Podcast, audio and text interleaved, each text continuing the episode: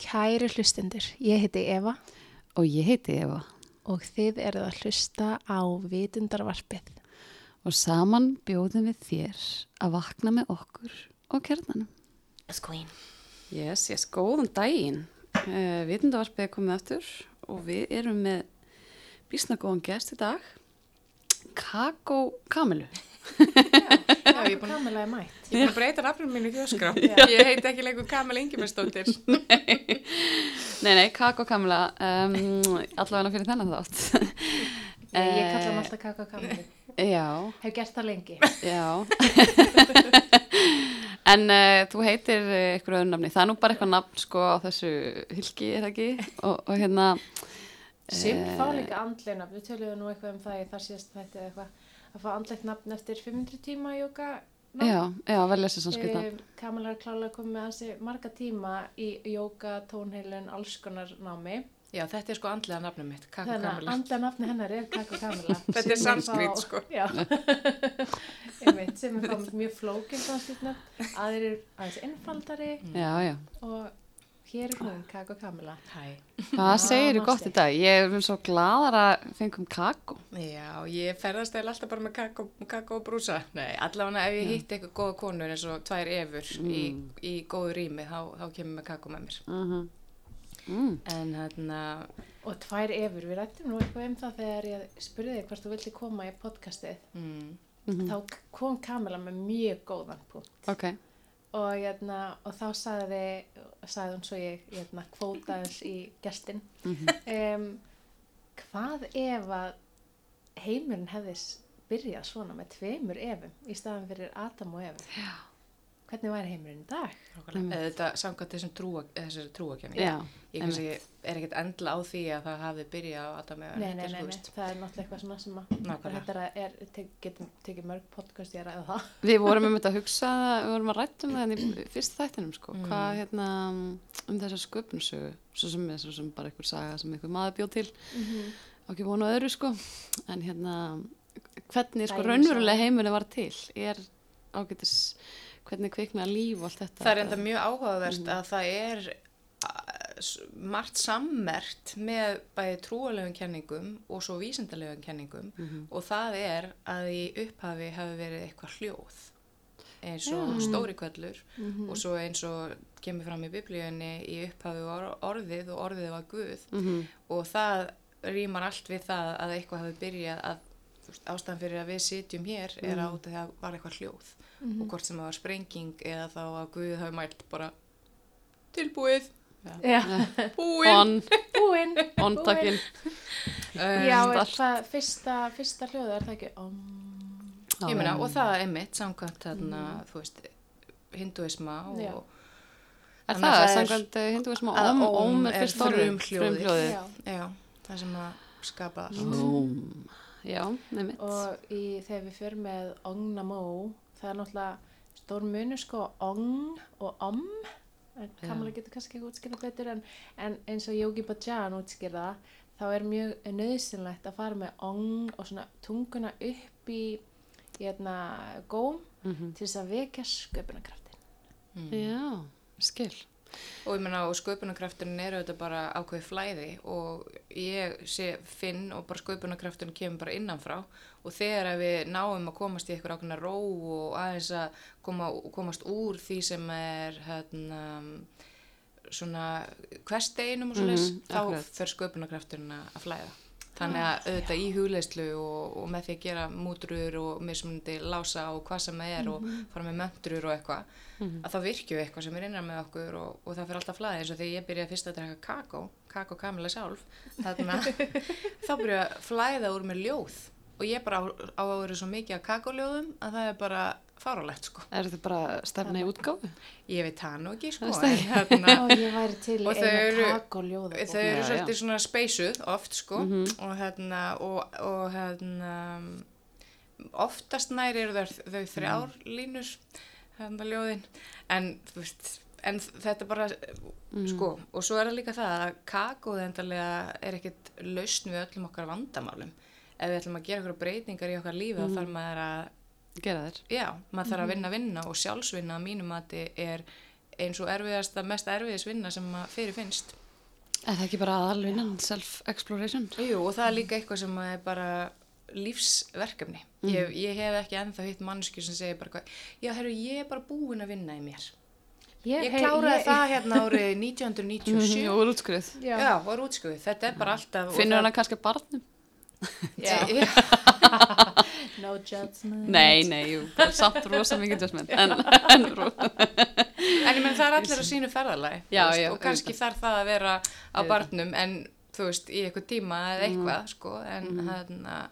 en ég meina ég þurfti nú alveg að vera barnum, sko. Já, ég meina, ég, að- ég að fór ofta Já. á, á barinn líka og núna hef ég reyndar, ég ákvað fyrir fjórum mánu síðan Já. tæpum að ég bara, ég gati ekki drukkið lengur, það var bara í mörg áru var ég bara að drekka kannski nokkur sem ári og bara þetta fó bara ótrúlega sko bæði illa í líkamann á mér, Mhm. þú veist bara eftir eitt drikk þá fann ég bara fyrir því daginn eftir og dagana eftir Mm, sko tögakerninu. og pluss það og bara ekki bara tögakjörnu heldur Mhm. líka bara öllum mínum líkamum bara geðlíkamannum, huglíkamannum tilfinningalíkamannum bara, þetta var bara algjör svona blús Mhm. og hérna og svo svo fyndi þetta svo rosalega stór hluti af okkar menningu einhvern veginn Mhm. að hérna þegar ég sagt drakk en drakk samt eiginlega ekki mm. fólk, þegar fólk var að bjóða manni og manni, nei, ég er ekki að drekka kvöld og svo bara snýrist kvöldi líka um að fólk var að reyna að tróða upp að manni Já. áfengi Já. þannig að það var ótrúlega mikill sigur fyrir mig og mér varst stór skrif að geta sagt bara nei, ég drekk ekki Já. og þá er ótrúlega áhugavert að sjá svona viðbröðum sem koma það er annarkort, ef fólk bara, já, ok, pælir ekki því Mhm. eða þá, nú og heldur að ég hafi bara ég veit ekki, bara barn götunar Já, einmitt. eða eitthvað, að að það það er svona að vera eitthvað rosalega Já. stórfenglegt til Já, það þess þurfa að að, vera alkoholismi. að maður hætti. Eða þú Já. veist að það sé bara ekki ást, næg ástæða eitthvað að langar bara að hætta. Já, nákvæmlega, það þurfa að hafa verið eitthvað svona, Mhm. eitthvað vandamál sem tengist í eða þá að fólk fer að, að tala um sína eigin áfengisneislu Mhm. og í rauninni annarkvort afsakana eða réttlætana. Já. og ég er bara alltaf, you do you baby skilur, Já, ég, er bara, ég er bara að gera það sem að henda mér og bara fólk má gera það sem að vill með sitt líf, þú veist en þarna þetta var allan ekki mín leið og hún var það í eitthvað tíma og það var bara ótrúlega gaman og, og sniðut og skemmtilegt meðan á því stóð Já. en svo hætti að vera sniðut skemmtilegt þegar bara, ég fattaði líka bara ef ég var þunn og þá kannski eftir bara nokkru drikki ég bara komst alltaf fram úr rúmun daginn eftir og ég bara nenni ekki ég, ég, engo, það hefur engin tíma Nei. fyrir þetta. Nei, því að tíminn er bara mjög það dýrmættast sem við og okkur ættum við að eyða því að vera eitthvað uh, þunn. Já. Já, mér, pæli- fannst, já. mér fannst eitt sko, ég finn það stundum eh, þegar ég fann það og svona muni þetta trublar andlega tengingunum mína. Já, þú veist, og mjög mikið að, þú veist, maður er kannski með eitthvað fastan ritual eða eitthvað svona hérna eitthvað, eitthvað sem maður gerir á mótnana er með sínar hugleislur og allt þetta þú veist, með sín ég er með mína svona vana skilur og þetta fer aðeins úr skorðum og mér finnst ég missa en svona sendirinn eða þess kjarnan minn einhvern veginn e, þegar uh, það er komið eitthvað svona smá áfengi Já, ég blóðið, meina, hugsaði líka um hvað er aflegging af áfengisneslu, það er að vera þunnur. Mm. -hmm. Það pælir í merkingun á því orði, að vera þunnur, að vera eitthvað svona þunn útgáfa sjálfur sér. Einmitt. Og ef maður er þunnur, að þá er bara svona, og ég bara sé fyrir mig svona blað á hlið, það er bara svona ótrúlega þunnt.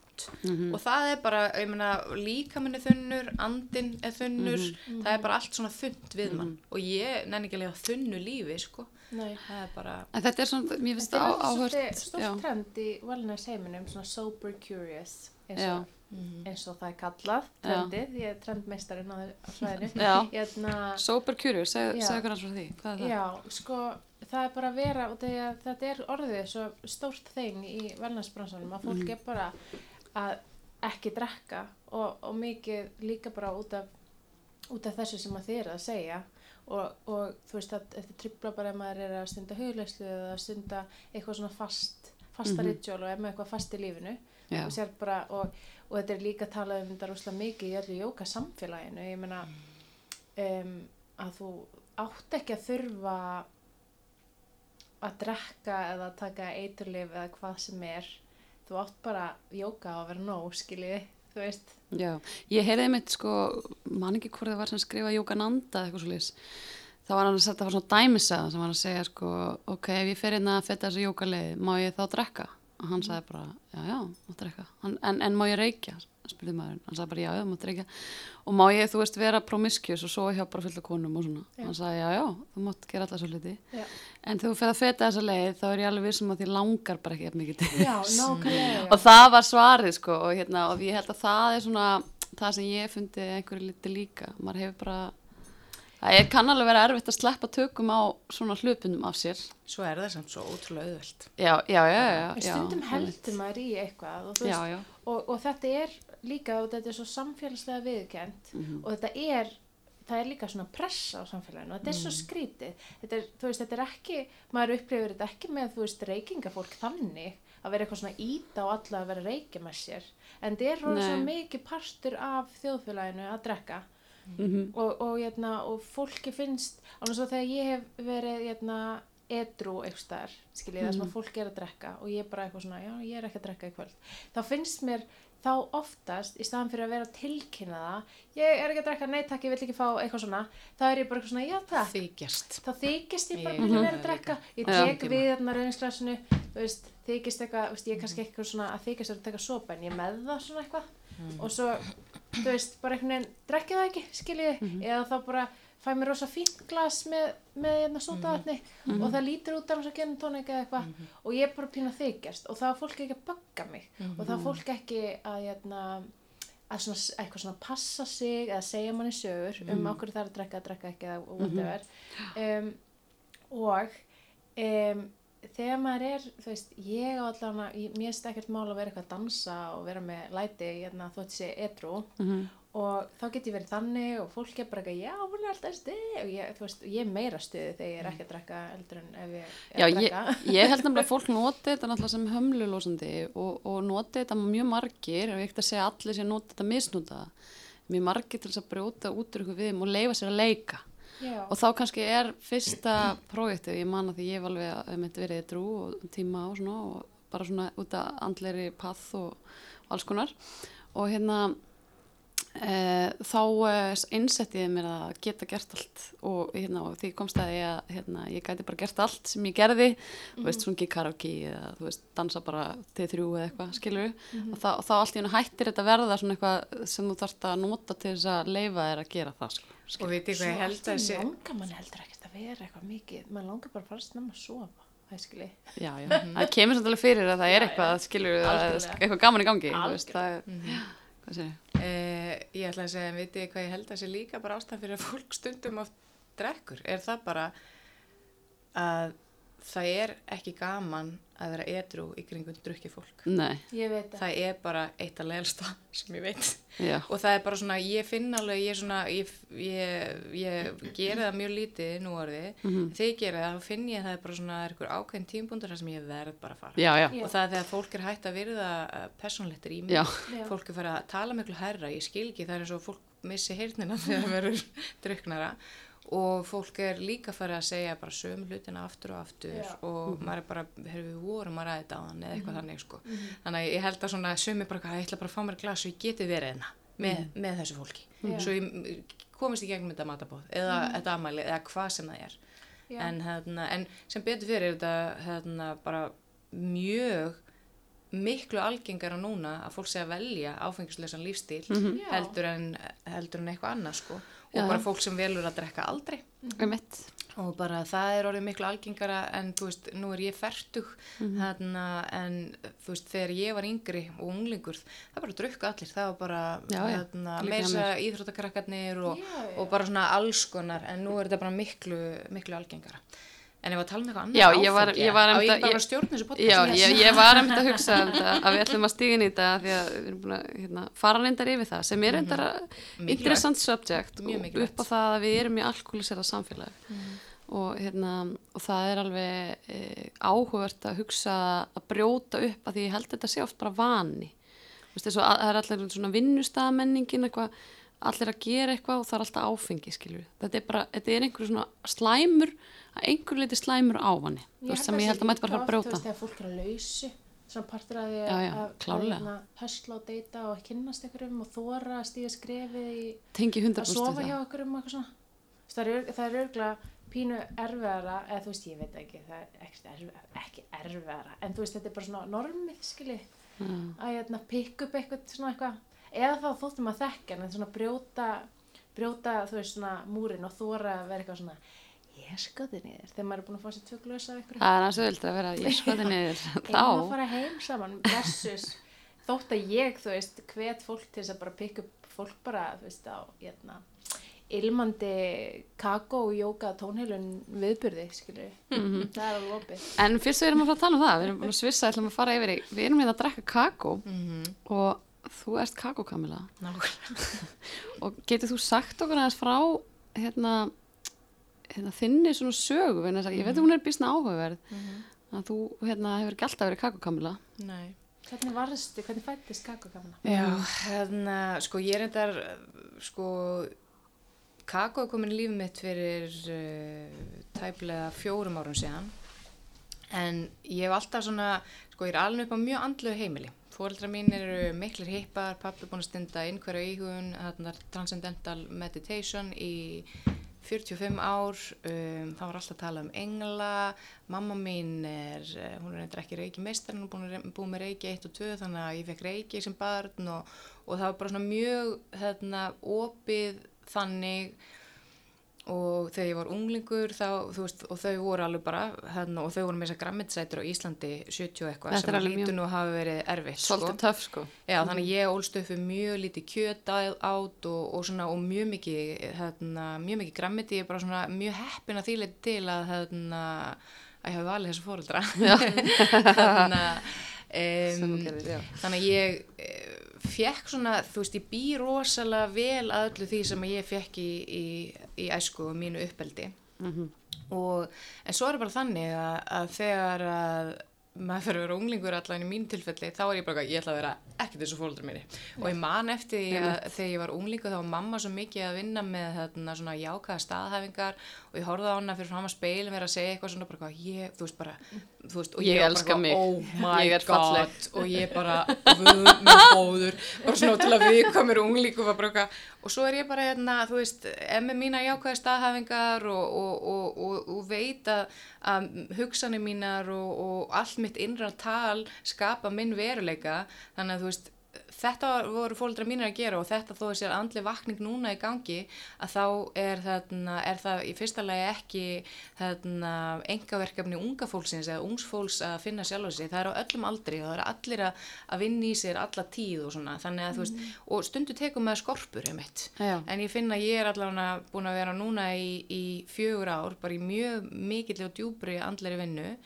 en sko jóka komin í líf mitt ég á tvítug og ég hef yfka jóka þá í 20 ár bara mjög reglulega og fór jókakennarnám þegar ég, þegar ég kynntist kakónu og eftir, eftir það allt og breytti bara lífið minn algjörlega. En það er ótrúlega að fyndi að þegar, þegar að fólk margir sem að þekkja mig ekki mjög vel halda að ég hafi tekið bara algjöru uppeyju en margir sem þekkja mig en þeir sem þekkja mig mjög vel eru bara já nú ertu bara komin aftur til þín einmitt. og, og ég finn það. Og ég bara hef, hef bara það er svo mikið gleði í lífið minn út af tímbili var ég bara alveg búin að tapa gleðinni og út af við uh, virtist ég eiga bara ótrúlega full, ekki fullkomi líf það var ein, þú veist, þarna ég veit að átt að sé allir Það á því, virkaði mjög fyrst- það virkaði mjög lífið Það virkaði mjög cool líf Þú ert með kúluð.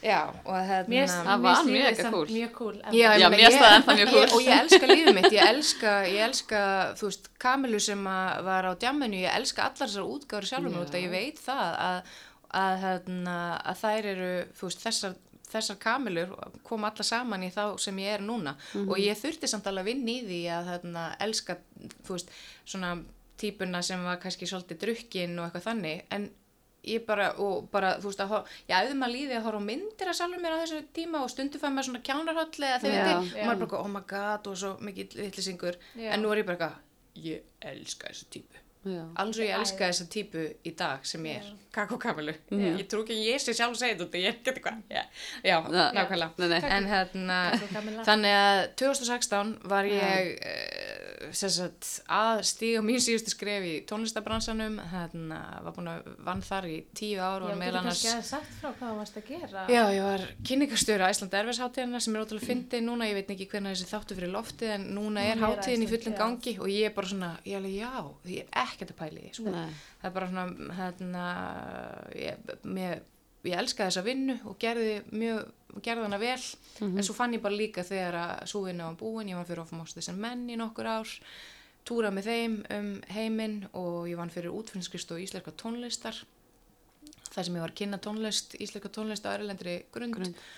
Þannig að það var bara svona ótrúlega margt áhvert sem ég gerði og Mhm. hérna, en í lokin þá var ég bara búin að tapa gleðinni og það sem ég elska hvað mest eru tónlist og ferðalög og ég hafði bara enga ánægja því lengur. Nei, og ég man ég átti á þessu tímbili það var í mæ 2016 sem ég fór fyrst á svona kakodans hjá einni stelpu sem heitir Lea Caritas hérna í Reykjavík í Jókavinn og hérna dró mákunum mína með mér og þá var ég sko, ég var bæðið svo þreytt og einhvern veginn bara algjörlega búin að tapa gleðinni og var búin að heyra af þessu og, og þá var þetta bara mjög lítið þekkt og, og bara svona lítið hlópu sem var eitthvað svona, gera eitthvað svona.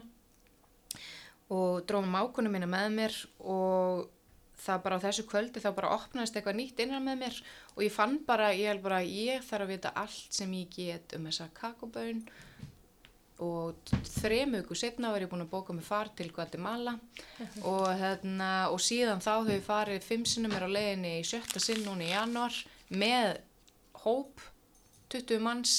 Það er ennþá eitt eða tvö pláslaus í ferðina hvernig er þetta séri? í januar næsta ári og hérna og, Eru eitt eða tvö laus plás? já, Ok.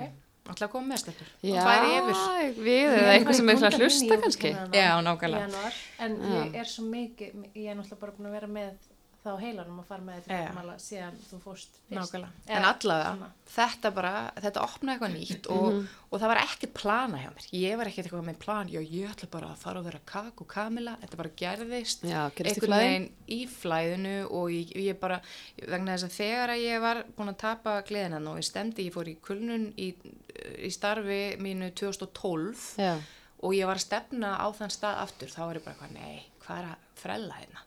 Mhm. Og þá tók ég það ákvörðin, ég bara eitthvað, ok, ég ætla bara að gera hluti sem veita mig gleði. Og ég þurfti alltaf bara, og ég þurfti ofta að spyrja mig erfiðara spurninga og taka erfiðar ákvarðinir og ef ég var, þú veist, beðnum að gera eitthvað eða eitthvað bara, þá þurfti ég alltaf að segja bara, myndi að veita mig gleði, ef svarið var nei, þá þurfti ég bara, þá geti ég ekki gert þetta. Mér, já, og svo líka að spurja mig um, fyrir hvern er ég að gera þetta er ég að gera þetta fyrir mig eða er ég að gera þetta fyrir einhvern Þetta annan eru svona spurningar sem ég er einmitt að æfa að spyrja mig sjálf um. Og þetta er mjög erfitt. Þetta er mjög mikilvægt að að vera með þetta um þetta. já, ég hérna, ég man sko að því að þetta koncept um vinnu á Íslandi og bara almennt um vinnu, hérna, er eitthvað svona, þú vinnur eitthvað, við erum svo dugleg, náttúrulega við við kannski rætt þetta en áður, en, en þetta er svona, við erum svo dugleg þjóð, þannig að við vinnum mikið, það er svona alveg trend í því og er reynda komin þetta umræðum vinnuvíkunar og allt þetta, þetta tengist innbyrðis, myndi ég segja, en, en það er ekki endilega hugmyndir í fólki að sko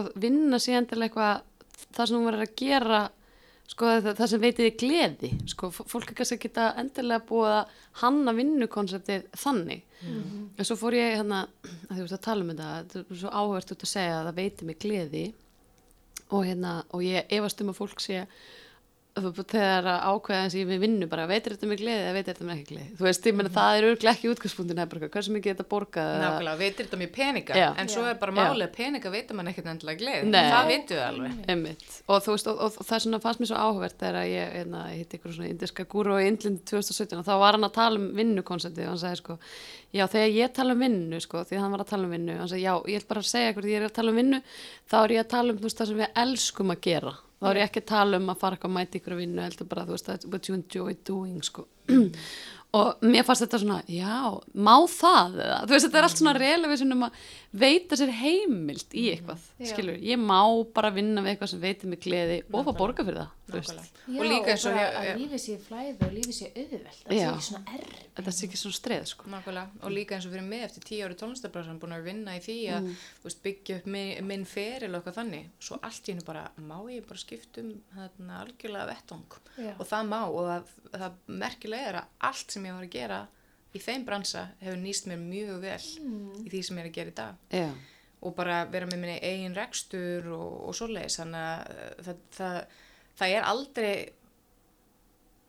ekki í lægi að breyta Nei, og þú til ert aldrei eitthvað Nei. að vera eitthvað að eyða tímanuðinum í eitthvað Nei. bara bull sem mun ekki nýtast þér áfram Já. Þú veist, þetta er fólk er líka oft eitthvað, heyrðu, ég er hérna komin bara með master í jari, jari, jari og ég er ekkert að fara eitthvað að skipta ég um meni, ég var í eitthvað átta ári í háskóla, sko. Já, um mig Þannig að, en ég meina, Einmitt. þetta nýtist alltaf Já. Og þetta er líka oft, þú veist, maður er bara búin að ákveð, ég ætla að vera svona, ég ætla að vera svona, maður er bara búin að stefna þér óslega lengi, sjá eitthvað sjúkla flotta að sér, þú veist, Já, maður já. er eitthvað svona viðskiptafræðingur eða, þú veist, ég bara, ú, ég er bara fata hennur í New York eða whatever. Aha.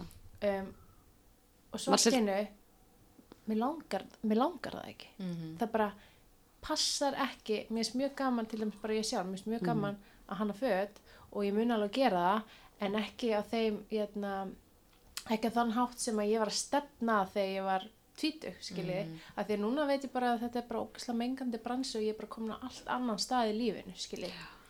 Mér finnst alltaf ég horfði Og svolítið utan á að fatta hana að bransan og ég er alveg bara, wow, að þú veist, mér finnst hann alveg bara, já, ég, uh, þú veist, ég ætla ekki að dæma, en ég ætla samt að dæma, að þú veist, mér finnst svolítið mikið pretend, þú veist, ég, maður, ég er svona áþreifanlegt hvað það er mikið Já. pretend í þeim bransa oft og þú veist, einmitt Og eitthvað, svo bara vill svo til að ég á núna alveg nokkrar mjög góðar jókavinkonur sem er algjöru jókagúrúar. aha, þá við eigum allar samægilegt að við erum með hérna, mentaðar fatahönni já, ok, þú veist þannig að eitthvað þetta er greinilega, þetta er svona ótrúlega skapandi og þetta er listgrein Já. en þetta er hræðilegur yðinaður skiljiði, Mhm. þú veist og það er eitt að vera með eitthvað vision og veist, og geta hannað sko listaverk sem að gengur í Mhm, og sem er fallegt og æðislegt. En heimurinn er bara ekki þannig í dag. 2019, það er það bara ekki svo er út af því að, sko, hönnun það er ekkit endilega líka mm, að gera með neyslu. Og það Nei. er nefnilega vandamáli, neysla er í hámarki.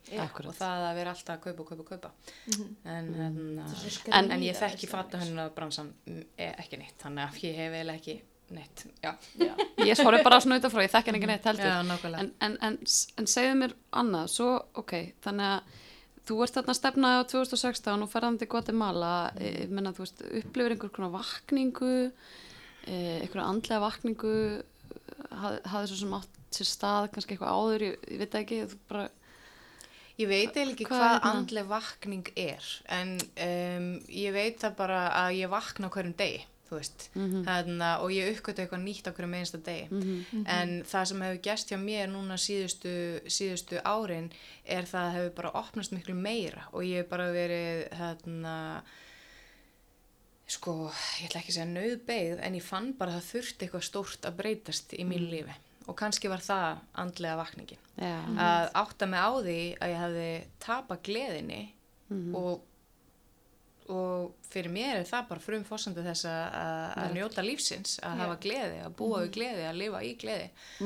En um, sko, andlega vakningi mín var ekki endilega það að fara til Guatemala en ég bara ferðast við og els, elska að ferðast og er alltaf einhvern veginn að og svo bara ferðast ég innra með mér þegar ég leggst niður eða fer í hugleyslu eða eitthvað þannig. Þannig að þú veist mér finnst ég bara, mér finnst ég alltaf bara vera að vakna meira á hverju minnsta degi það er, það er, það, ég get ekki endilega en ég get pinpointa eins og þetta með kakóið sko. Já, það hjálpaði mér mjög mikið og komin í líf mitt bara, ég bara nefnt dagsendingu en Já. svo eru þetta líka jóka komin í líf mitt þegar ég var tvítu uh, pappi var búin að vera að hvetja mig til að fara á huglustunámski í einhverju íhugun í mörg mörg ári og loksins lit til leiðast þegar ég fann bara að ég þurfti þess. Það var 2008 eða 2009 þannig að það er, ég held að sé andli vakning það er bara eitthvað svona kannski vakna maður þegar maður deyr út af að það átta maður sig á því að, að við erum þú veist öll eitt og eitthvað þannig. En, Já. en ég held að öll þessi skrif sem maður taka, við erum alltaf á okkur vegferð. Og svo eru fólk of- oft að tala um bara já ég er svona, ég er bara svona mér langar til að fara on the path eða eitthvað svona, þú veist, fara á okkur veg. Við, við erum alltaf á okkur um algjörlega. á okkur vegferð. Algjörlega, og allt er, þú veist, ég sé fyrir mér það er bara, það er eitthvað svona við erum að vinna okkur í áttað ykkur og það eru mjög margar leiðir eða dyr eða hvernig sem við sjáum það að, að því markmiði eða að þeim þarna, endapunkti og það er bara spurning hvað maður velur og oft gerum, velum maður að gera hlutina erfiðari en þeir eru og stundum ekki einmitt. Já, ég er svona veltið mér með þetta on the path, uh, mikið rætt svona í andlega heimnum, þú veist, hva, og, og hvað það þýðir í raun og veru að vera á þessari vegi, þú veist, sem slíkt, sko. Mm. Og hvernig veit maður hvernig er maður á honum, hvernig maður er ekki á honum. maður Ég er alltaf á lesa- honum, maður er alltaf á einhverjum. Algjörlega, ég út var að lesa sko í gær Einmitt. í hérna, þetta ásamlega bók Mm uh, og það sem að það er svona jóki að tala og hann segir mm. um, sumir eru það, ég man ekki hvernig hann orða þetta hefnir eða eitthvað, sumir geta lært af mistökum annara og, og haldi þannig áfram á veginum sínum. Aðrir þurfa alltaf að læra af mist, mistökunum og upplifa það með, sem sagt, fá reynsluna sjálfur að fá, gera mistökin. Og þá ertu að velja að eiga erfiðara líf, skilji. Aha, og er þetta ekki alveg jafn skinsamur að, bara læra af mistökum annara, það er Já. mikið skynsam í því. Og svo sumir þurfa bara að gera sér mistök til þess að læra. Mm. og þá myndu eiga erfiðara líf en þú læri þau á endanum skilji, Mm en það er líka svolítið það er alltaf, og það er líka það við vorum að læra fullt af barnum stelpur, það er bara þannig og mér langar líka til að bæta Já, við já, að, já. að það að vera við erum hvert einasta mannsbarn er andleg vera og við erum bara, við höfum öll mismunandi hérna, leiðir til að tengja okkur inn á við, að tengja okkur við það sem við vitum að er eitthvað meira en við sjálf og sumi gera það með því að uh, vera í náttúrunni aðri gera það með því að hérna, þjóna öðrum og þá er ég ekki að tala um að vera eins og okkur mottur fyrir aðra eða eitthvað þannig eða eitthvað svona doormat ég var svona mjög mikið að þýða þetta á ennsku en þið skiljið mig. En, hérna, en aðrir fara eitthvað jókaleið eða huglisluleið og, og, og svo er það bara þú veist Svo getur við gert alltaf þessu. Já, og maður heyrir ofta eitthvað svona, já, þessi svo andleg típa, við erum bara öll ótrúlega típur, Algjörlega. okkar einstaka hátt. Já. Það er engin andlegar en neitt annar, sko, og það er allir bara á sínu, sínu algjörlega. en finnst þér ekki sko, ég upplifði það og kannski það því að ég fór að breytast sjálf og þá veginn breytist heimurinn manns Já. en ég upplifði það að hérna, heimurinn sjálfur eða samfélagið, allavega einhver partur á honum, sé að það sé eitthvað svona breytingatímbil hérna, sem við erum á og, og það getur alveg tekið eitthvað tíma, það getur alveg verið þessi land síðan að byrjaði en tengið þú eitthvað við það? Þú veist að við sem að fara eitthvað að sé einhver svona kollektiv þróun Já, algjörlega og Já. ég, ég hugsa líka sko eins og út af því ég á þessa hippa fóreldra Mhm. að þau voru mjög skrítin. Það fólki þóttu þau alveg pínu skrítin svona, og, og ég var bara svona í mánu tímbilega bara skammaðist ég minn smá fyrir þau skilu pappi minn síðhærður og eitthvað svona og, og ég vildi bara að ég geti ekki bara átt ótrúlega normal fór, fóreldra og bara þurftu þau að skýra mig kamilu bara hvað, hvað, hvað, hvað er að skilur og Ótrúlega hérna flott, en, en ég auðvitað sá það með fóreldra mína fyrir öll þessum árum að þau voru í mikill vinnu og mjög margir líki kringum þau. Þannig að ég held að þetta komi í svona bylgjum en núna á þeim tíma voru mjög skrítna skrúður sem voru í jóka núna eru jóka stúdíó og jókastöðar í hverju einsta hverfi í borginni og víða um land og víða um heim. Núna eru fyrir fólki jóka nýtra og hugleslunamski þetta er miklu, þú veist fyrir, ég get auglist mína viðburði á Facebook og vera með heimasíðu, kaka.is bara, smá blogg og, hérna, og, og hérna og fólk er miklu opnara fyrir þessu og, og alls konar fólk ekki bara þeir sem að utan á líti út fyrir að og ég er að gera svona air quotes hérna gæsalappir Já, svona færa puttan minn þannig líti út fyrir að vera eitthvað andlega týpur. Það er bara alls konar fólk og ég fæ tíma til minn alls konar fólk. Já. og aðalatri er bara að mæta þeim það sem þau eru skilur Akkurat, en það, það ég allavega, ég finnst, ég skinja samt þess úrst að tala um, það er eitthvað svona vakninga í þessu stað. Og ég veit ekki hvort að, þú veist, það var náttúrulega síðast þegar að mér finnst svona í sögunni, svona jafn sterk vakninga á á þessu stað, það var hippatímbilið mm. og þetta er aðeins öðruvísi en hippatímbilið, að hippatímbilið var, það var samt svolítið mikið bara um ástina og engin mörg og Og, en það var líka svolítið bara, veist, hérna, kynlíf, frjálsar ástir og, og hérna, og svolítið fyllt af víni og eiturlífum og eitthvað svona, skilur líka.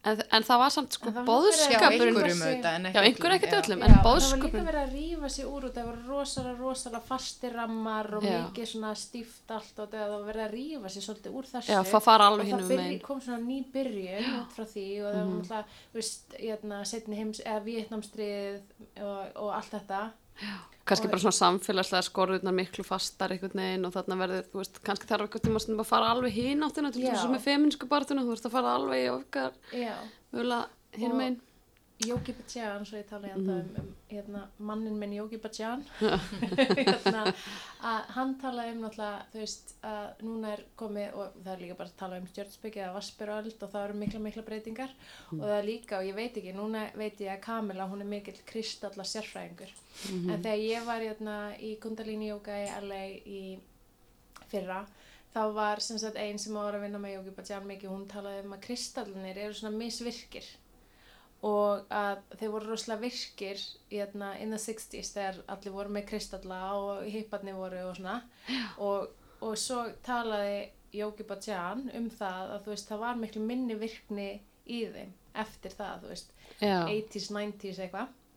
Og að núna þá sé þetta að fara að gerast allt aftur og að þið fáum miklu meiri virkni og eitthvað. Hefur heyrst þetta aður, Kamala? Sko, ég reyndar, ég alveg út að, loka, þú veist, 89, 90 og eitthvað þannig, þá var líka fannst mér mjög mikið svona í gangi og þá er líka þetta með jákvæða staðhæfinga, Louise Hay og, þú veist, og það, það tengi ég við fóreldra mína að ég er þetta fætt 79, það er eiginlega e, bara eftir hippatímbili, þó svo fóreldra mínir hafi verið, þú veist, þau voru kannski svolítið ung þá, en þannig að þú veist, það er ekki bara hérna, hérna, svo kynnslóð og, og það gerist líka 89, 90 og eitthvað þannig en með kristalla ég, svona, ég veit ekki alveg hvort að þeir hafa eitthvað svona minga í virkni en, en ég held að þeir komi bara líka fram að sjónusvið og alveg svo bara plöntur er í tísku núna en það er líka bara staðrind að plöntur eru bara lífverur og, og lífga upp á allt okkar rými og, og hjálpa okkur að tengja spytu náttúrinni út af því að við búum flest öll í bara steipu klumpum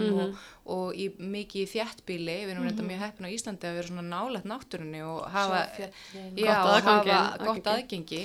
en, en allt svona, ég meina kristallur eru elstu börn jarðar það er bara hérna, og bæði gleðja augað og, og, og allt hefur tíðni og allt hefur orku og, og kristallanir hafa ákveðna tíðni og orku og, og eru uh, hér bara til að hjálpa okkur líka og Já, eins og það svo margt, eins og maður- mjög kakóið líka og að sinna þessum kristallum eins og plöntunum fara með þau út í tungsljósið og sólaljósið hreinsa og það og það og svona.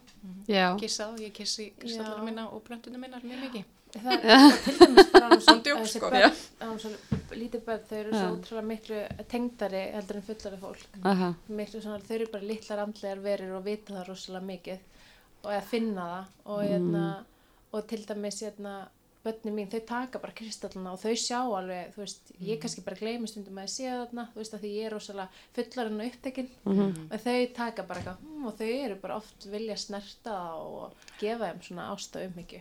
Og með plönturnar og svona líka. Og til dæmis var Nóra, dóttir mín fimm ára, hún kom heim til Kamilu núna í vikunni. Flytja og hún vildi bara flytja inn. Og bara, heyrðu, þetta er bara rosa fínt hún hérna." sagði, mamma, getur við flutt hingað þegar ég verð sex ára? Og svo sagði Kamila, má ég opna ískapið svo fekk hún áfna fristir líka bara svona kíkja hvernig staða væri já, já, bara svona, þetta leið bara rosalega svo gulrót og fekk sér gulrót og hérna, en hún er mitt, þú veist, bara eins og þú sást, þú veist, hún bara eitthvað svona, já, alla, krist, alla kristallina hennar Kamilu, þú veist, þau vilja Aha. bara, þau, þau bara, ó, þau draga svona í þetta og þetta er að sama með ilmkjarnaoljur, með allt þetta stöf, mhm, bara um leið og, og, það er eitthvað svona mjög næ stöf, börn eru trillt í þetta. Vitið Þau þið hver, svo- hvernig ég veit hvenar ég er í góðu lægi og í, í góðu jafnvægi svona. já, Það er þegar ég get, og ég, hérna, þegar ég get tengt mjög vel við börn. Já, Og þegar þeir laðast að mér börn og dýr. Já, þá veit börn ég alveg, já, ok, ég er í, í lægi núna. ég er svo 100% sammáleikur og þegar ég get verið hérna, til staðar að því ég hef ofta alveg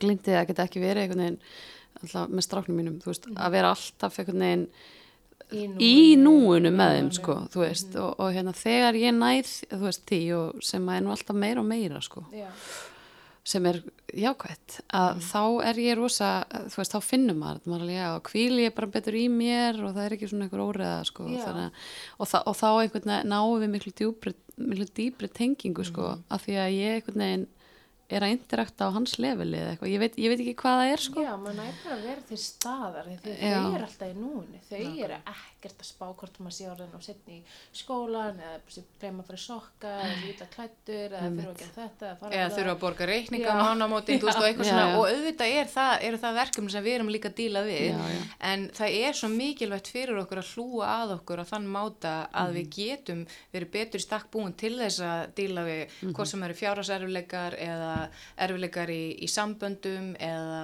hvað sem það nú er. Að hérna, þú veist, erfileikar í umferðinni. Alltaf þegar ég er á hann pyrru í umferðinni þá veit ég að ég þarf að fara í, í jókanýtra, ég þarf að fara að hlúa betur að mér, Já. ég þarf að taka smá time out. Að veist að þegar ég kom með svona já. bara road rage. Já, það er alveg, ég er út að þegar ég er bæði að tengja við, við, við börn og dýr Mhm. að þá er ég líka í umferðinni og þá er ég bara að horfa upp í heiminin eða kannski hrappn eða þú veist, eitthvað váka þetta er fallet ský eða eitthvað svona, í staðan fyrir að vera bara eitthvað að býða út oft er svona fólk bara svona að fara að leggja stað þú að segja það raukt og eitthvað út af því að við getum allstað að tekið moment fyrir okkur sjálf meira Mhm. sem umferðinni á rauðu ljósi. Bara þú veist draga andan djúpt þrísvar eða eitthvað og ég veit að það jafnast ekkert á því það að fara inn í jókasal og fara í, í jókanýtra eða hvað sem það nú er sem að við gerum til að fylla á okkur. Að þá er hægt að hérna, finna núið út af því að málið er að þegar við erum í hausnum, þegar við erum alltaf að hugsa og skipulegi út af því að eðli hugans er annarkort að vera að hugsa um það sem er liðið fortíðina, eitthvað sem við vorum að gera eða það sem er ekki búið að gerast hugurinn á svolítið erfiðara eða bara mjög erfitt með að vera í núminu núinu, núminu, það er eitthvað nýtt í núinu en það sem að líkaminn kann bara, það er að vera í núinu Algjörlega. þannig strax og fyrirum að setja aðteglina á líkamann eins og andadráttin eða eitthvað þannig eða bara svona, tengir okkur bara inn í núið og tengir okkur Já. við líkamann, samennar huga og líkamann. og bara finna hvernig maður situr allt í hennu bara svona, herru, hvernig sit ég? Og það er oft þegar maður situr og er eitthvað svona á yði þá situr maður ekki almennilega en leiða sér bara að setjast í sætið sitt og leiða sér að vera svona þingri að þá er maður bara strax komið með fókus á líkamann og það er að leiðandi komin í núið. Einmitt. Nákvæmlega Eitt- og anda djúft neyri maður. Tjúft Mér fannst svolítið gott sem þú sagði sko af því að ég fann svona þegar, líka þegar ég fór að verða andleiri í mínu lífi. Eða svona eitthvað gerðist í mínu lífi það er ekkert að leipula en, en um, eitt af því sem gerist var eitt af af mínu stærstu gjöfum fannst mér vera að ég hérna þessi mómenta sem að bara vá, sjá þetta ský og sjá hennar fugg og sjá þetta tré. Og einhvern veginn lífi var fallegra bara þessi litlu móment og þessi móment eru veist, ég man ekki þetta til þess að ég hef mikið verið að horfa upp og eitthvað svona skoða umhverjum mitt eða vera með því eða dásta því eða vera svona þessi svona in reverence þú veist, bara in awe ég veit ekki hvað íslensku orð maður getur nota fyrir reverence og awe, þú veist, bara að, virkilega aðdán fyrir lífinu þú veist, bara, vá, svona undur þessi lífið er og, og, og, og bara þessi gjöf er svo stór, skilur, mm. því þá fyllist maður líka eitthvað svona þakklæti og velíðan og eitthvað. og átt að segja á því að maður líka hlut af stærri heild Já. og oft nefnilega er, er það að vanlíðan er oft kemur út frá því að, að upplifa sjálfa sig sem bara outsider eða, eða ei- eina eða eitthvað þannig en, en Aftengt eitthvað, já, já. Já. mhm. aftengda En líka bara þetta með að því að ég get sko alveg það sem að ég upplýði rosalega mikið líka bara þótt að ég hafi verið rosalega mikið að pæla í andluðu málefnum og Louise Hay og eitthvað. Elskar. Louise Hay, ég elskar Allir Louise Hay, elskar sko. Louise Hay hér. Hérna, Amma mín, sko. em, og og eitthvað. Mhm. En sko þá er rosalega, sko ég átti svona moment eftir að ég hérna, byrjaði í tólspora samtökum Mhm. að ég, það er rosalega auðvelt fyrir mig að gleyma mér að dásta því hvað allt er æðislegt þegar ég er góð, þegar allt er gott í kringum mig, skiljið. Það er bara, þú veist, bara sambandi mitt er næs við, við aðra og sjálfa mig og alla, skiljið, þú veist, það er bara gott í vinnunni, bara allt, allt er rosa fínt og flott og mér líður bara vel og ég bara lítið um gluggan og vákaði fínt úti og fallegt. En þegar maður getur, þegar allt er í Já. fokki, Já. bara fokkans fokki og þið líður samt ekki, þú veist, það er bara svolítið mikið rugl í gangi en þú keirir ægisíðin og lítur út um gluggan og veist bara tekur eftir mómentinu Mhm. og ert þakkláttur fyrir það einmitt sama þótt allt sé í Já, gangi nákvæmlega. þá var eitthvað, núna er ég að gera eitthvað er Og það- sko. krefst það er æfing og það til þess að geta komist Einmitt. á þú veist, nálægt þeim stað að vera á þeim stað þá þarf maður að vera duglegur að taka tíma fyrir sjálfa sig Á og hverjum líka degi. bara á hverju meðstu degi eða bara eins og oft og maður getur Já. þó að sé tvær myndur eða 20 myndur eða tveir klukkutímar eins og oft í mínu tilfelli. Maður.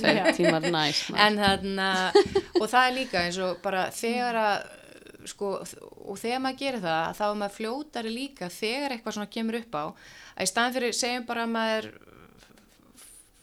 rífist við eitthvað eða eitthvað svona að það gæti bara haft áhrif á mann út daginn eða út vikuna eða eitthvað þannig. En maður er, fljó, já, maður er fljótari að eitthvað neginn ná utan á það og vera ekki hluta af því. Og sömulegis eins og núna bara þegar að þarna, og þó ég þarna, stundi huglegslu og jóka og drekki kakó alla dag og allt þetta þá er alls konar sem gerist í mínu lífi Já, sem er já. ekki að mínu skapi.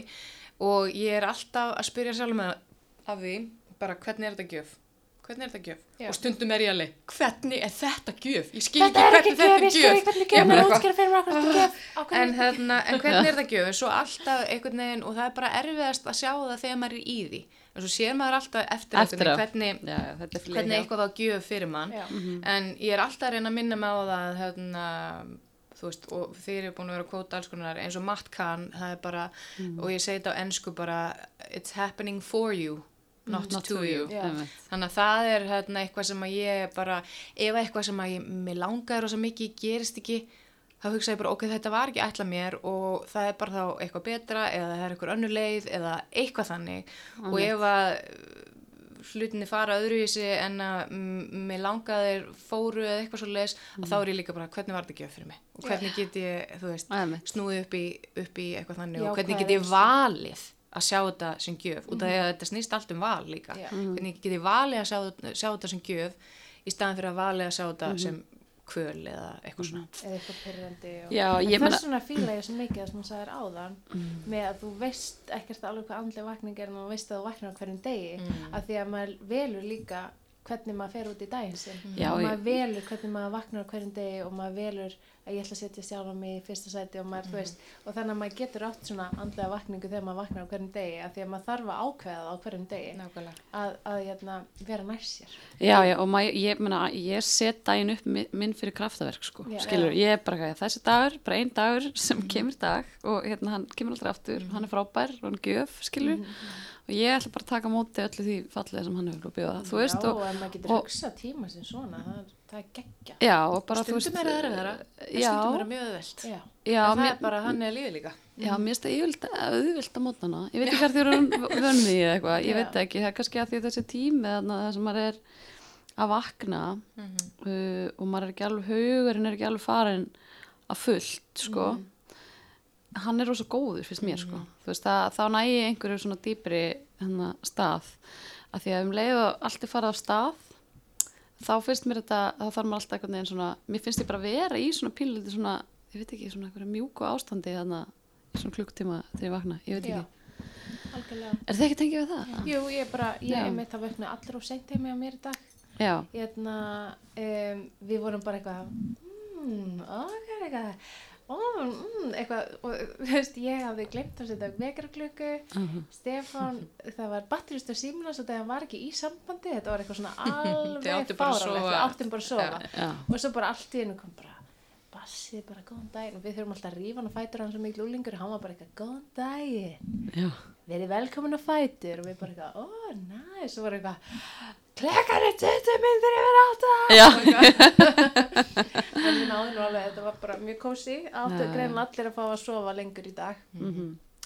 en þú veist, maður er mitt bara tekur eftir því að maður fer svona svolítið kannski e, sefur yfir sig og hvernig það getur haft áhrif á daginn manns. En ég held Ég það að sem að í dag, það sko. sem hafi samt mestu áhrifin er samt paniki þannig já, panik, veist, hvernig maður díla við panik sko. þú veist þetta, ef þú ákveður bara já, ok, klukkan 8.20 ég hef átt að vakna fyrir 40 minnum en get ég eitthvað gert í? Nei, ég veit það, og veist, það var svolítið það sem að ég get gerðist í ekkert dag óvart gert sko, í- já. sem að var mjög næs. Emmitt ég væri meira tens annars en ég er samt búin að vera svolítið á seint það, það er bara þannig En mér, mér finnst samt sko þetta áhugavert með að því að ég er rosa mikið að veltaði fyrir mér eins og ég veit ekki hvort þú ert með svona þetta fyrir, þetta, sko, þessi hraði Mhm. og samfélagsins, þú veist ég ótti eitthvað svona, ef við myndum bara hægja bara tjúna þetta alls niður, bara allt Mm. ekkert myndi gerast það er það sem að skilur, ef að segjum að produktivitíð færi, eða það er að segja bara hægja á öllu, ég er ekkert vissum að framleiðin myndi minka neitt rosalega Hún mikið myndi bara örgla bara, eh, bara verða meiri held ég, frekar. Já, ég held bara, ég hérna, þú veist, þessi taktur, uh, þessi hraði, einhvern veginn. En það líka fæ ég til Já. mín svo þreytt fólk, það er allir svo þreyttir Já, og það er allir svo upptjúnaðir og þegar maður er hann upptjúnaður og er kortir í kulnun þá er maður líka óslega pyrraður og, og ég man þegar ég var hérna, fór í kulnun 2012 já, að þá bara svona ég man ég gaf mér aldrei tíma en eitt ég var bara, það var eins og ég bara ég var komið á það prógram að ég þyrfti alltaf að vera að flýta mér. Já, og þú veist, einhvern veginn þegar að maður gefur sér ekki tíma í neitt, þá gefur maður sér heldur ekki tíma í að spjalla þegar maður hittir einhvern. Maður gefur sér ekki tíma í að fara í, þú veist, ég, ég reyndar þú veist, jóka eitthvað var mér alltaf heilu og eitthvað þannig, en allt þess utan einhvern veginn var bara ótrúlega, rosa mikið hraðum, mér fannst ég alltaf vera einhvern veginn að reyna að halda í við eitthvað. Já, og maður það er komin er- svo skorts hugar ástand og það er svo erfitt að fara út úr því. og það er nefnilega var næsta point mitt og Já. takk fyrir að segja þetta vegna þess að það var líka eitthvað sem ég var í rauninni búin að velja.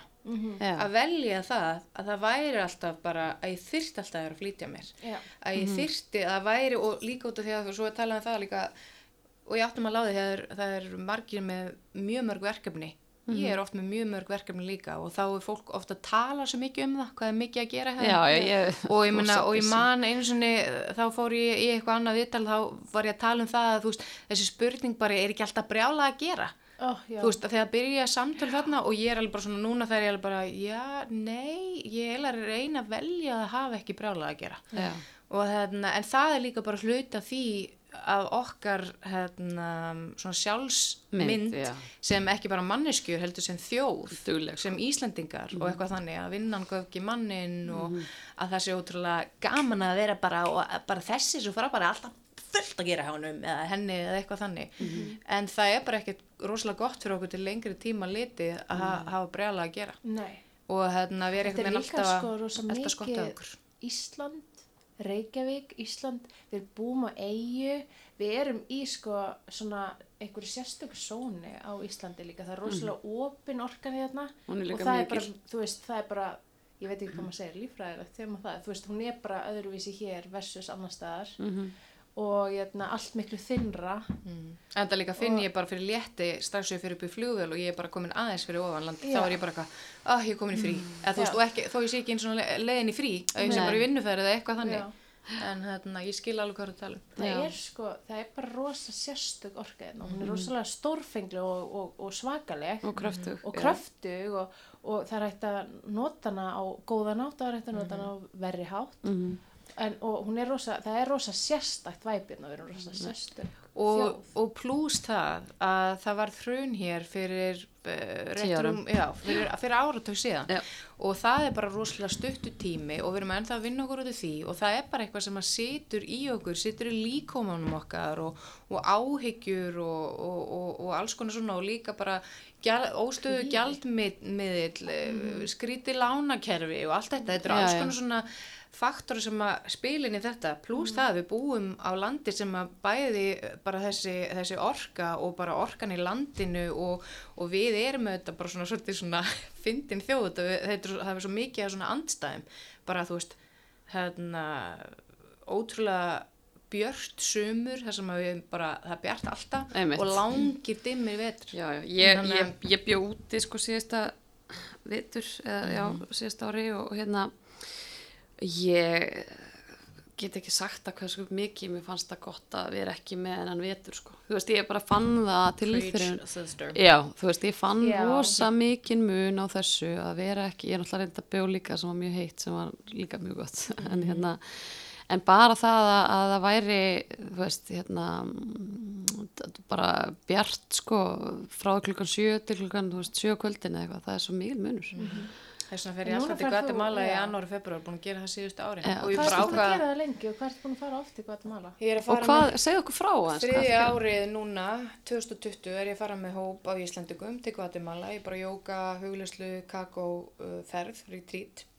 Mhm. Og þetta var líka þegar að, sko, þegar að ég hætti að vinna í tónlistabransanum, þá var ég ekki með neitt plan. Ég átti hérna, pening, ég var búin að sapna mér út að ég hef verið að túra með, með hljómsveitinni og, og þá er maður ekki að eyða neina peningum. Þannig ég sapnaði mér bara pening, svo er ég bara, ég veit ekkert hvað ég er að fara að gera, en ég veit að ég er að fara að finna út í hvað mér langar til að gera. Já. Já. Og, hérna, og svo bara svona smátt og smátt ég bara fór að venja kom, komu mínar til Guatemala bara, og er búin að fara á einhver svo oft, voru flytjum kakó og svo bara einn ein daginn fekk ég það hugmynd að fara með hópa ánga og Mhm. fóð með fyrsta hópin í janúar 2018 og er að fara núna og fóð með tvo hópa núna í janúar og februar og er að fara með fjóruða hópin núna í, hérna, í janúar 2020 Og þú ert þá alltaf í janúar og februar í Guatemala. og það er bara það sem að zóni. mig kleift að díla við íslenska veturinn. Og, ég, og áður en ég byrjaði á þessu þá það ég alltaf farið í, til, til sko hérna suðrætnarslóða Já. í nóvumber eða desember til þess að brjóta upp veturinn. Og það var mig bara lífsnausilegt og það ég er bara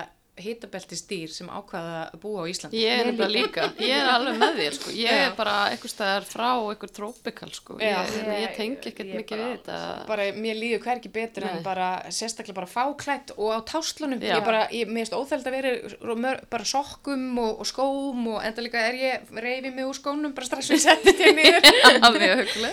og hérna þannig að þannig hanna ég bara svolítið mitt líf Og það hérna, fullkomið með það geta hannað sitt líf Já, og ég vil.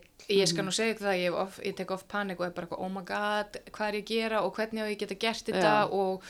Uh, þú veist, og, og auðvitað þegar maður er í eigin rekstri þá eru tekjurnar, uh, stundum mjög litlar, stundum miklar og maður það bara læra inn á það og ég hefði verið launþegi bara alla mína, hérna, í öllum mínum starfsframa Einmitt.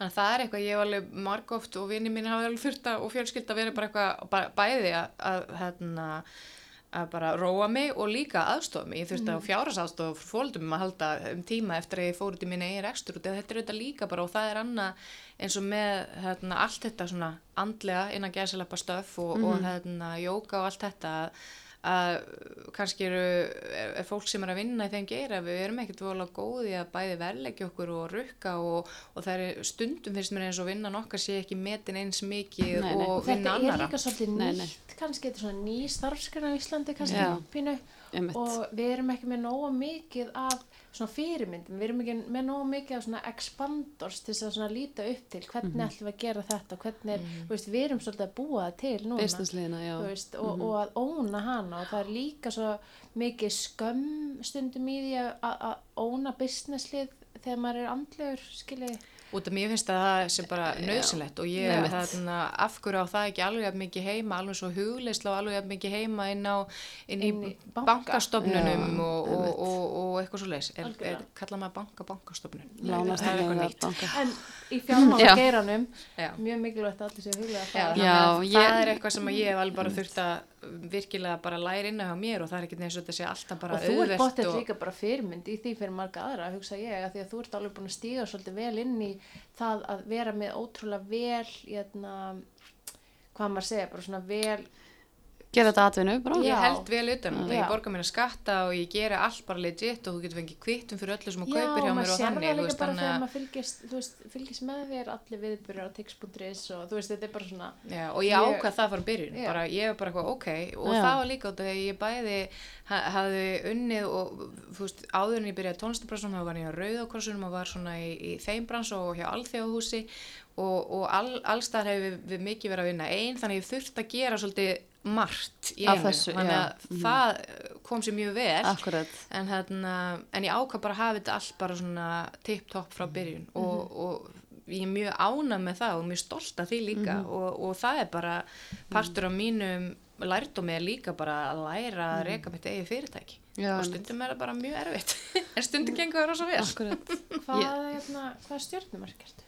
ég er, viltu fá allt stjórnukort? Já, ég? Já, ég skal koma með svona þessi þrjú helstu, ég er sól í, í nauti, það er svona, ég er naut, en svo er ég hérna, tungl í fiskum, rísandi í krabba. Þannig að það er svolítið mikið, þú veist, það er jörðin hann í sólinu og svo er bara rosa mikið vatn sem er bara, Já. ég er líka bara alltaf, ég elska þið, og bara, þú veist, þarna, fransískinu mín, þau, þarna, ég segi alltaf í skarpjónóla, tíjar á frænda minn, veistu hvað ég vil? Hann leið, já, knús. Já. Og svo bara getum við leiðið saman í faðmlum, það ég bara, ég er bara, það, það er bara mjög mikið ást í mínu hjarta og, hérna, og Krabbi kærleika er líka og, svona fjölskyldu já, nákvæmlega. Og svo er ég líka venus í, í fiskum og Já. það er bara rosa mikið og svo er líka fullt að eldarna líka ég er bara með bara svona, ég er með svolítið jamt á allt Já, sem að held ég, held ég að geri bara, að sjálfsögur geri með þeirri mannsku sem ég er sko. Mhm. Þannig að hérna En já, það kemur samt enn og ekkert óvart á sér nöyt. nei, Nei, ég er líka algjörð lúsustýr sko. Já. ég elska bara já, Ég ég bara held að þetta andvarp hafi bara sagt já, ég er alveg með ég, ég er samt sjálfur að glíma við þetta eins og þú ert að segja, þetta er svona transition sko, ég, Mhm. ég er náttúrulega lögfræðingur að ment, búin að vera að vinna við það í tíu ár og, og svona og þú veist, ég er samt ekki tilbúin að sleppa því sko. Nei, og þú þarft þess ekki endilega. en ég er svona, er að endur skilgrina þess, veist, hvernig ég vil gera það og ég veit ekki alveg það kemur til mín hvernig það lendir En til dæmis lög, með lögfræðinga bakgrunn, bara svona svo ég skjóti inn einn með hugmyndi, Já, já. nafna, mm að það er svona fullkominn bakgrunnur til að hafa sem coach til dæmis, já, myndi ég segja. Og Og svo er- líka allt þitt umhverfis, hérna. mm og líka með bara og mína ráleggingar til fólk sem að langa til að breyta til og bara er að fara að taka eitthvað svona stórt skref er það að maður þarf ekki að vera með stórt plan.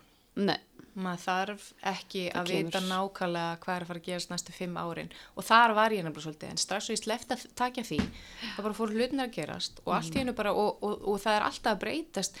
Það sem ég var að gera fyrst þegar ég byrjaði þessu mm. Það er, það er búið að breytast mjög mikið og er að gera allt öðru í sér hluti þó ég sé innan sama bransa. Og, hérna, og allt sem maður hefur gert á undan það mun nýtast manni. Þannig að maður er aldrei einhvern veginn að henda neinu þú veist, í ruslið eða, eða neitt þannig, það bara nýtist manni allt. Og það, það að þinn bakgrunni sé í lögfræði það mun nýtast þér á svo margan hátt Já, hvað já. sem þú kemur til með að gera og margt gert margt en, en, en, en, en ég, ég bara, það var líka þetta að veita sér heimild segja bara ok, mér finnst bara x mikið af hlutum í lögfræði bara mjög leðilis. Vistu, ég ætla bara ekki að gera það skilur, veist, það, það er bara svo leiðis og hérna, Ég ætla bara að gera ætla bara að gera það sem ég finnst skemmtilegt og, og, hérna, og gera það sem ég finnst eitthvað, hafa eitthvað tilgang og, hérna, og, og það er alltaf, og fyrir mér snýst þetta alltaf um þetta að veita sér heimild sko. Nákvæmlega. Veist, ég hérna, maður mað getur bara veitt sér heimild fyrir það sem maður heldur maður getur gert sko, þú veist, og, og ég held að margir séu bara stattir að þeir hérna, þor ekki eins með draumana sína og, og hérna, bara stíðin í óttana sína og, og hérna, allt þetta. Um, og, það er rosa oft bara okkur eigin takmarku við bara, nei, ég get ekki þetta, sko, ég get ekki gert þetta nei, þetta gengur aldrei upp. Og svona, en svo horfum maður á all lífið og maður sér að fólk bara gerir alls konar alls konar og það gengur upp og það, kannski er þessi ráðandi faktor í því er að það trúir það, það, það trúir á það sko. og það er mjög ég held það bara það ef maður trúir á eitthvað að þá séu bara mjög miklu líkur að gerist sko. skilur, bara að að ég finna að ég hafi trú að þú veist, já, já, það verður, ég sé það ekki bara ekki, alveg hvernig það verður en ég er ekki með allar upplýsingar en, en það verður samt sko. Ég ég og notaði mér þessi jóka. Ég sé, ég sé sjálf mig fyrir mér í stöðunni sem ég vil gera. Já, og svo get ég hana, þú veist, út að setja ég átti bara fyrst mjög erfitt með að fara á kvól, það var eitthvað, þú veist, þarna, Það er líka mjög krefjandi fyrir já, nákvæmlega, en núna bara, og þú veist, og ég var bara svona, og svo sá ég mig alltaf fyrir mér bara, svo bara einn daginn kom það, og það líka, svo er það líka það, Já. að það, það krefst líka æfingar að trúa ykkur að maður geti eitthvað, já, og maður þarf bara að segja sér það, og, og treysta því með já. líkamann trúa því alveg þegar maður er alltaf með eitthvað undirlegjandi vantrú Mhm. að það sé svona alveg trú, trú, trú. Trúa því alvörunni. Embodied, Já. en hvað er svona þi- þitt plan núna hérna restina árinu og Eh, áður að fætti Guatemala og Sko það er alveg bara Já. ótrúlega margt að breytist sem ég var að setja íbúinu minn á sölu í gær. Já, ok og ég er búin að vera þar í tæp 20 ár.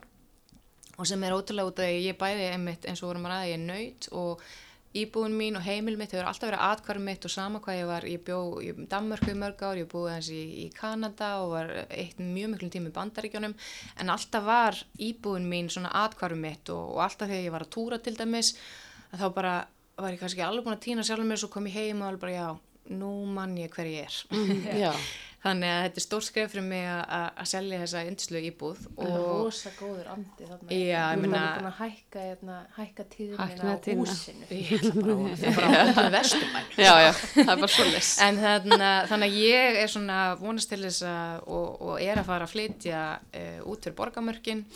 Ég er bara núna fullu að að skipuleggja bæði hérna, Guatemala-ferina og, og bara viðburuna mína, ég er að selja kakó auðvitað og það er eitthvað sem er alltaf aukast. Fólk bara, alls konar fólk er að drekka kakóbolla á dag út af því að þetta er líka bara þarf ekki endla að vera partur af einhver andlu ferðalagi, þetta gerir bara líka mann svo rosalega gott og, Getur þú kannski útskipt fyrir þá sem er að hlusta hver er munurinn og það er kannski bara einhverjir sem er eitthvað já kakó ég menna er þetta ekki bara eitthvað kakó bara kakóböni eins og kakó og, og fólk veit að dögt súkulaði er hérna er hotlara heldur en rjómasúkulaði og þú veist dögt súkulaði eða dögt kakó er hægt að setja út í smúði og eitthvað. En, en núna erum við sko náttúrulega með Við erum, að, við erum núna eins og ég, ég bauði ykkur upp á hér í byrjun.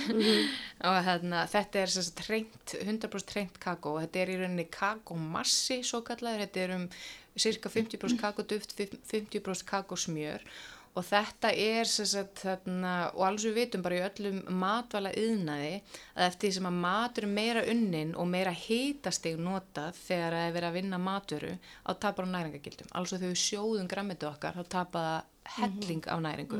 Aha. en svo er það bara þannig að þegar kakóbaunin sjálf kemur úr kakóávistunum þá er hún bara ekkert rosalega góða bræði og ég myndi ekki vilja bjóða okkur upp á það. Það er hérna en þannig að þetta kakó fer í gegnum ákveð ferli. Það er hérna það er gerjað.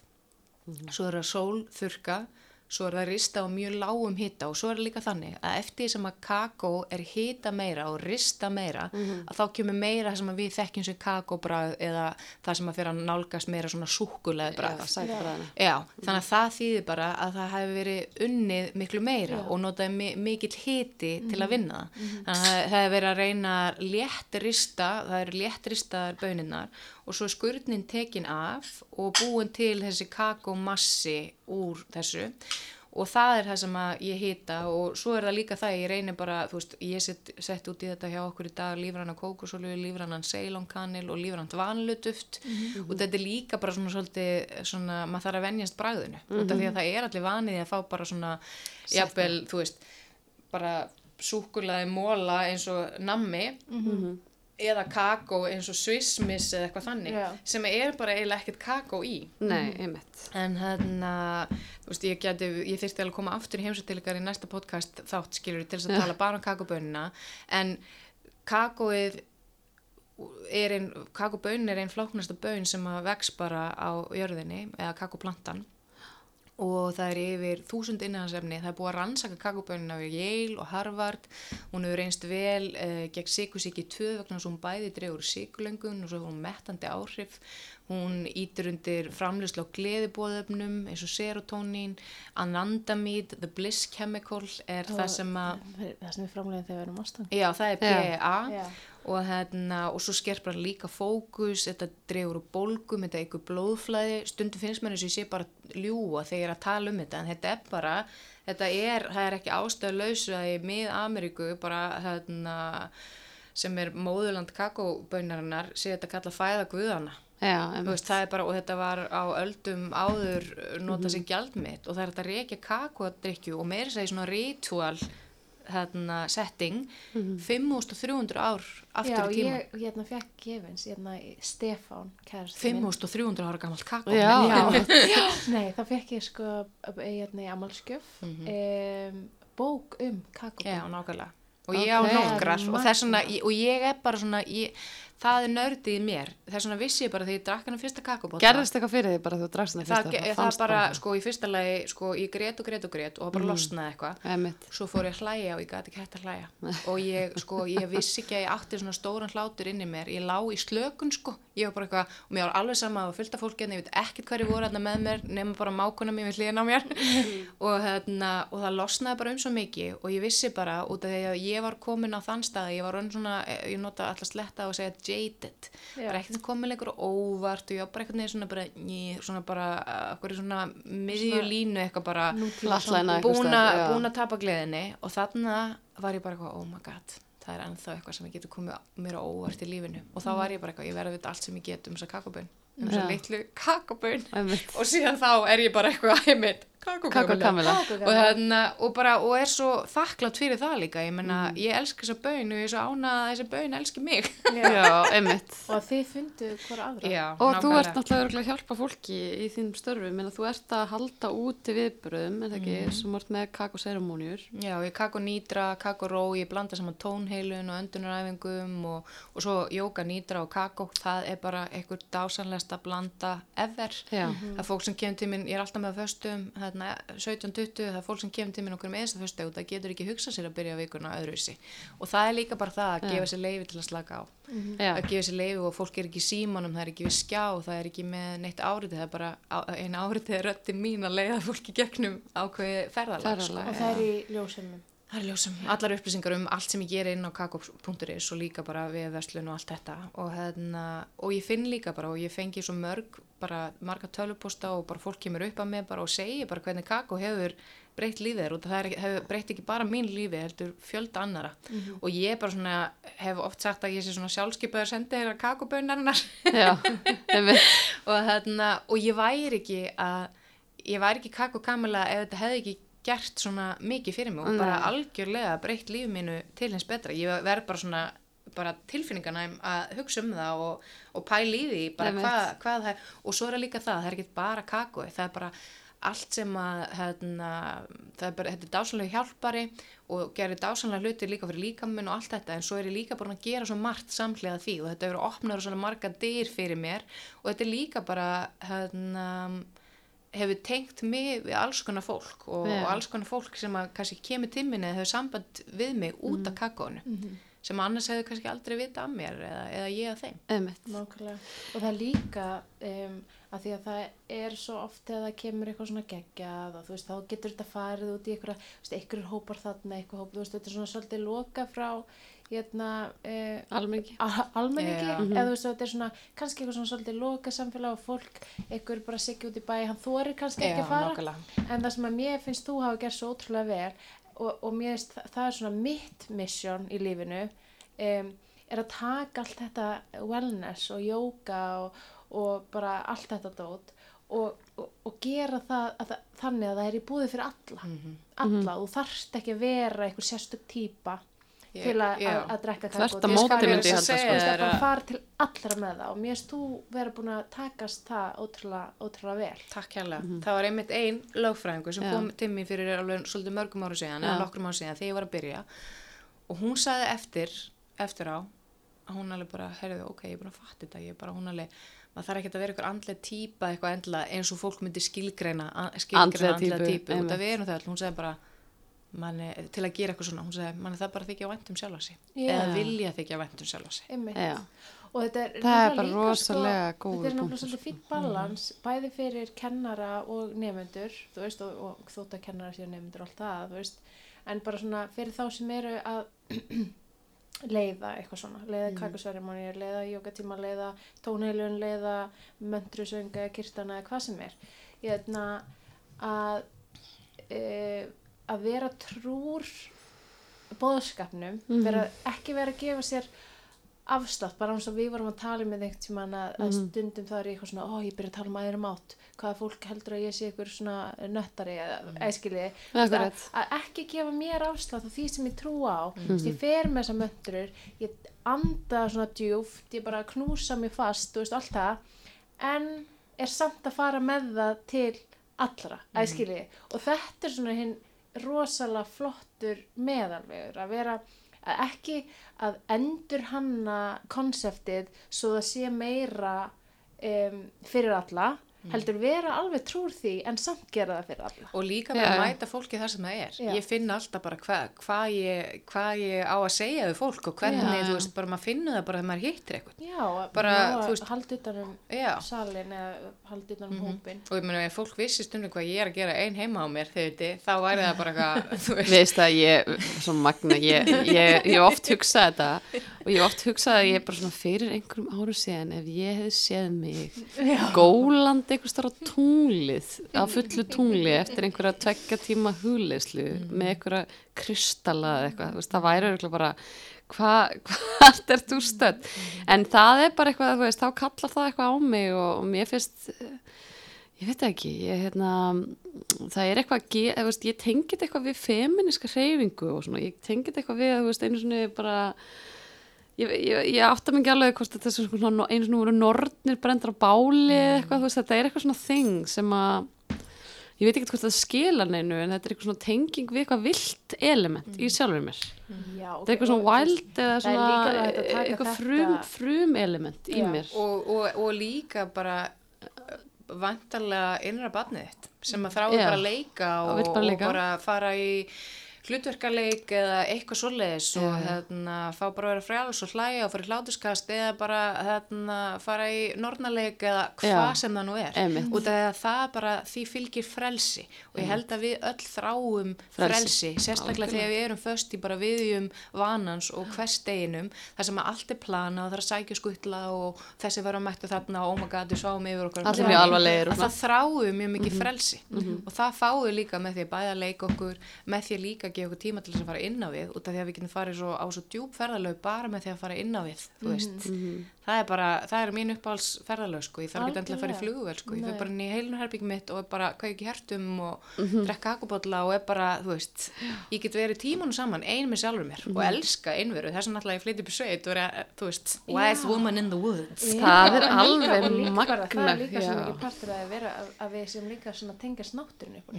og það að, það er svo mikilvægt. Og það getur líka bara verið það að vita að hérna, gera sér grein fyrir þú veist bara hvað, ok, það er fullt tungli í kvöld og svona, bara um leiðum að byrja svona eitthvað að hægraða smáði hvernig maður lifir eftir náttúrinni að bara hvað ástíð er, hvað er ég að borða hvað, hvernig er tunglið, eitthvað svona. Hvernig maður verður þá bara meiri takt við hvort annað, við náttúruna með Já, heild og maður einmitt. bara betur og pælum í því líka tunglið til dæmis, það hefur áhrif á heimsins höf. Um, bóndin sem að ræktar þetta kakó sem við vorum að Já. drekka hann gróðsettur græðlinga á fullu tunglið vegna þess að það var jarðvegurinn frjóastur. Skil. þannig að auðvitað hefur tunglið og eh, bara og læðir yfir landinu og veðrið og allt í kringum okkur í náttúrunni áhrif á okkur. Já, ég meina við erum bara, bara- við erum skiljiði. 70-80% vatn þannig að þú veist það væri bara mjög óeðlegt ef það gerði ekki sko með hvað hefur mikil áhrif á Ég flóð meina og við vorum að, líka með sóluna hvað er gott að geta stitt hennan myrka vetur og sjá smá sól og fá smá dífitami Aha. og það er líka bara, þú veist, ég meina sólin er heilari, sólin er karlega orkan, tunglið, hvernlega orkan og bara, þú veist, við erum bara partur af náttúrunni, þú veist, við erum ekkert eitthvað svona eina dýrategundin sem er það ekki. Herru, það, er- það er fullt tungli spordrega á 12. Nei, það er, það er fullt tungli Fullt það var nýtt tungli sportdreka sportdreka. Er þið vissum að það sé ekki fullt tungli í spordrega? Er það, já, það er svo leiðis, í nauti. Já. Á 12. nóvember, getur það ekki verið? Á þriðjudaginn. Mm Er það með eitthvað gott, ef að slá, ef að slá Sko, bara svona taktin í er er reyndar eitthvað góða ritual? sko, hérna, út af daginn áður Já. er 11. 11. Við erum sko með hérna tvo mjög góða dagur. Já. Ellefti, þannig að ellefti. það verður eitthvað og þá er ég með opið húsið mitt þarna Já, já, nei, þá ætla ég að selja íbúina mína Já. en þá ætla ég líka bara og, og fyrir mér auðvitað er mjög gott að, að taka svona dag og gera eitthvað en svo má bara gera eitthvað okkur um einasta deg Já, að já. gera eitthvað ritual með sjálf og sér og sumir, fyrir suma er það bara að fara í bað og kveikja kertum fyrir aðra er það Til að fara í dæmis mjög gott að göngutúr fara í bað og fullt tungli og það Já. er vatninu og allir. setja Epsom salt úti já, já, gól eitthvað. Og, svo, og það finn ég líka eins og bara bæði með hugleyslu og allt þetta að finna sína leið til að hlúa að sér. Það er mjög persónubundi Já, það sem að virka fyrir mig virka kannski ekki endilega fyrir þig og maður bara býð til sitt eigið. Já, og það er líka bara svo gott að, að, vera svona svolítið með þetta um að kannski hverjir eru mínir ritualar, mínar, mm hvað, þú veist, það er ekkert nógu gott íslenskt orð fyrir rituala, það er aðtapnir. Um, en að, út af því að það getur verið svo mikið að bara svona litlu Mhm. stöffi og um leiðum að gera það með meðvitund og í núinu og með svona smá tapas, uh, þú veist, með, með svona... tapas réttum spænsku smátt tapas Já, það er reyndar með eh, hitti, hérna- já, eða ægi. sem er svona. Já, já, já, já, já, þú veist, já, tapas. Já, fyrir þá sem ekki vita, þá er tapas úr jókafræðinni. hérna, já, að gera það með svona vilja og gleði Mhm. að, að fara inn í nú eða gera eitthvað litlar aðtefnir úr eitthvað bara ótrúlega venjuleg þú veist bara hugsa um það þegar maður býr tepallan sinni hugsa Mhm. um það þegar maður sest niður í sófan skiljiði að, jötna, að, og það getur líka verið aðtefn að setjast niður með börnunum sínum og lesa bók skiljiði.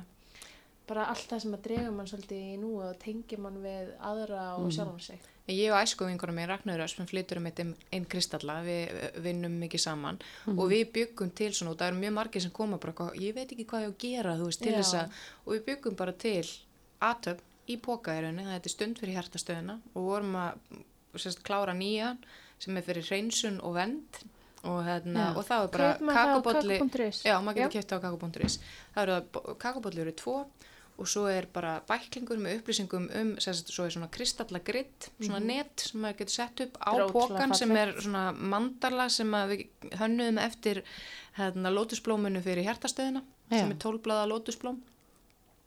Og svo er sérst bæklingur með bara leiðbeiningum frá A til Ö um hvernig þú getur átt stund með, með sjálfur þér eða sjálfur þér eða ástvinni eða vinkonu eða vin eða whatever, mömmu eða pappa eða barni eða eitthvað þannig Ég, sko, ok, náttúrulega bara svo ég kom með eitt punkt þar sem vorst að tala um þetta um, þá er líka hérna, mjög gaman að drekka kakó með, hérna, Lover. með elsku að Aha. þetta er náttúrulega. Hjartofnandi. hjartaopnandi maður En kynlífið? Ég myndi segja það líka Ég er bara svona er bara fyrir svona, eh, maður ef maður vil lega fallegt hérna, um, kynlíf í nánd og meðvitin þá er bara kakó það besta sem maður getur fengið sér. Ok. hérna, bara fyrir gott kynlíf eða góðan svefni eða bara bæði. Já. og hérna Fer allt þannig að vel þetta er saman, fullkomin- þetta er sko fullkomin jólagjöf þetta er fullkomin valentínsgjöf hvað kostar svona ritsjól? 4400 þetta er gefin ekki segja. og líka það ég menna kakó og kakóbönn hefur notað sem einmitt ástadrykkur í gegnum ár þúsundir sko. Já. Og það er ekkert ástæðalausu að, að fólk er að gefa elskunni sinni súkulaði á valentínusdaginn, Súkkulaði þetta rósir. kemur bara úr því. Já, súkulaði rósir, um, að því við vorum að nákvæmlega. tala um fyrir þetta podcast þá vorum við að tala um Um rósina? hérna, rósina? og, og rósin er það er til fullt af hérna, rósar huglausluðum það er til fullt af staffi um rósina og rósin er róslega hjarta opnandi og vorum að tala um hvað er gott kombo og blanda, setja rós, reyna rósar olíu á hjartað og fá sér hérna, seremóni í kakabólla þetta er í rauninni bara valentínsdagurinn af því að í original myndinni eða og myndin að að ég hef ekki bara gert þetta í morgunum á það? með rósóli og svo fyrir mig kakbóll með og þá gal opinn í Ég hjartan í dag? góða hérna, fulla- Nó til ást sko. Já. Ég var svo, mér var svo magnaði gær, ég átti eitthvað svona stund þar sem að ég myndi var búin að vera að tengja mikið viss. Svon minn hann að ég var að segja hverju dagann, mm. þegar vorum að leika með Hey Siri og vorum eitthvað búin að vera að spjalla um daginn og svona. Og ég satt og var að borða eitthvað kínu og snakk og, og hérna kínu og snakk Já. sem er eitthvað, af sem, af sem áður var. Og hérna og ég, já, ég átti bara svona stund þar sem ég leið svona bara eh, mjög kvestars, mikið kvestarsleiki ég hafði ekkert verið í ykkur huglislu eða neitt svo leis reyndar eitthvað að kveika kertum og svona. Og það var bara, mér leiði svona hjarta mitt var svo yfir barma fullt mm. skilju, og hérna, ég bara, þú veist, það var svo mikið þakklæti fyrir bara fyrir einhvern veginn lífið. Og það er ekkert, líf mitt er ekkert eitthvað, þú veist hérna það er ekki eins og okkur ytri gæði séu, þú veist, ég sé ykkur rísa húsi og sem ykkur, skilju eða, veistu hvað ég við, mér ytri gæði í mínu lífi og flestur í Íslandi eru bara frekar góð, sko. Með við Já. marga aðri í heiminum, skilju, við skulum bara taka það alveg fram. Já. og veist, að maður á húsnæði, maður á að borða þú veist, að maður, maður, els, maður hefur ást að gefa. Bara geta haft ást að gefa. Það er dæmið. Það er ekki að geta þeir líka, þá getur maður þeir hana líka. Já. en það er að hafa hana líka að gefa. og þá líður manni hérna, eins og maður sé svo það líður mér alltaf í bara, ég minnst ég svo rík þú veist, skilur, Já. bara því að ég get gefið að mér. Já. það fannst mér hérna ég upplýði svona stundi að, hérna, eins og svona, margar svona stundir. Ég myndi segja að þú hefur bara vaknað svolítið í gær Ég skilur, og þetta er bara, við erum bara alltaf að vakna. Já, erum sopnum við að þess Já. alveg. Svo vöknum við bara aftur. Svo sopnum við aðeins Og, og maður getur alveg og maður getur alveg aðeins. sofnað og glemt sér þótt að maður já. í einhverju gæsa lappa andleiri vekk já, já alveg það að maður gleymir sér alveg En það er líka, þetta er bara eins og, þetta er bara svona eins og, þetta kemur í tímabölu. Já. Og stundum það maður líka bara að gera eitthvað allt annað og svo Já, kemur maður aftur að yðkunninu sinni. Já. Eins og ég fekk bara, þú veist, eftir að hafa verið ég á sko alltaf sexinum í viku í svona kröftum asunu jókatímum í mörg, mörg ár Já. svo bara komaði, ég fekk ógeð Já. Og nú fer ég Og bara nokkur sem algengt. viku eða eitthvað þannig og það er bara Já. í lagi Og þetta var þess að ég var alltaf að hlaupa, ég var svona úti hlaupari, þú veist, ég var svona marathónhlaupari og hérna, svo bara kom einhvern veginn að því, einhvern dagur ég bara, ég get þetta bara ekki lengur, þetta er alltaf, bara, þetta er ómikið harka, þú Já. veist, bara ómikið harka í þessu. Ná. og svo Nákvæmlega. kannski Þá bara, bara tók á yoga meira næsta við. ári, þá bara allt í nú færði að hlaupa Já, því ég elska að hlaupa, mér finnst ógustlega gaman að hlaupa og ég Já. að gera það og ég ætla bara að það er úrslega næs, Já. en, en þetta er rosa svona, þetta er svona, þú veist, þú ert, þetta er mikið, Já. það er mikið ála líka mann, þú veist, að hlaupa mikið af veðlengdum og, og lífið þarf ekki alltaf að vera eins það má Nei. alveg taka breytingum og bara holdt fyrir mann að það taki breytingum og það er líka bara oft, segir fólki tími hjá mig bara eitthvað, ok, ykkur finnst eitthvað skríti sem ég segja óþægilegt það er bara til hamingju velkomin út fyrir það en draman Já. Já. bara hér þarna, Ó, gerast það Já. hér læru við eitthvað og, og uppgötun getur átt sér stað þannig að Er eitthvað áður en rétt að við lókum þessu, er eitthvað sem þú ætlar að gera núna bráðum sem er svona stigin í óta eða fara út fyrir það endramann, eitthvað nýtt? e, selja íbúin mína. Já, já, ok, já, það er það alveg bara svona stig. Og, og svo er ég með alls konar, það er mjög margt að breytast hjá mig bara á öllum sviðum lífsins. Og þess vegna er ég alltaf okkur með þess að degja að spyrja hvernig er þetta gjöf og hvað er þetta veist, og ég er bara að treysta því allt sem er að breytast, veist, það svona breytar kannski áherslu líka í vinnunum minni eða mí- mínum rekstri og með kakóið og með jóka og tónheiluna og allt þetta það er allt einhvern veginn smá að breytast Mhm.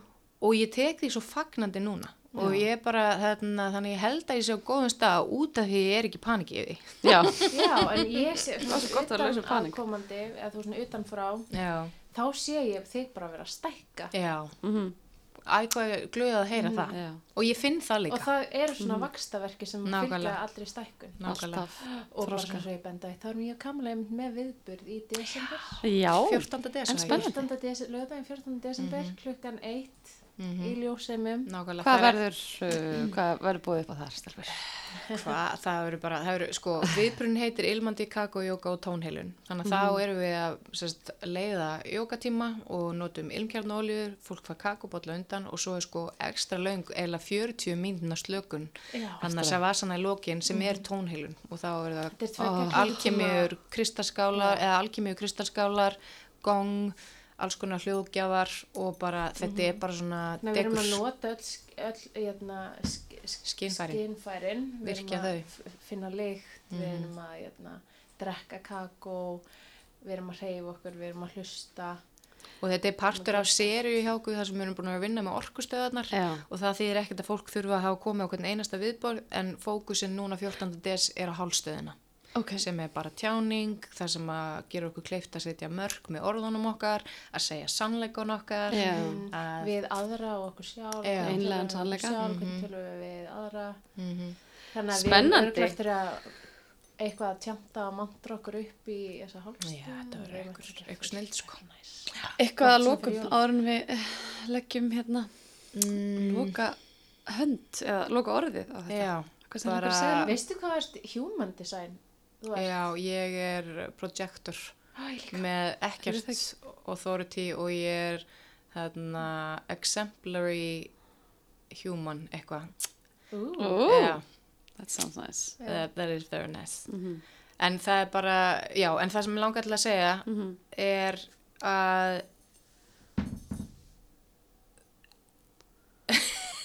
er að nei, er að ef að ef að þið langar til að gera breytingar í þínu lífi og langar til að gera eitthvað að bara taka lítil skref og hérna treysta því að það sem að eigi að verða hjá þér að það verði. Og það sem að eigi ekki að verða að þá bara myndu sjá það setna meir að það var ekki máli fyrir þið og bara stundum það maður bara að tala við vini sína sem að hjálpa manni að, að vera hugrakkur og þetta krefst mi mikils hugrekkis Já, það kannski Og- Já, að maður stó- þarf að velja vel uh, vini sína þegar Já. maður er að taka svona þessu, maður þarf líka, maður hefur líka oft upplegað að, að fólk er svona, að þegar maður er að taka einhver mjög svona um, jæna, hugrökk skref í áttina öðru lífi þú fara vel út fyrir komfortzónu og svona sem er bara rosa gott ef maður er tilbúin í það að þú veist, þá byrja fólk svona í kringum mann að vera svolítið stressa Mm. vera eitthvað svona, já, alltaf að gera þetta ég vilt ekki fá hérna launin á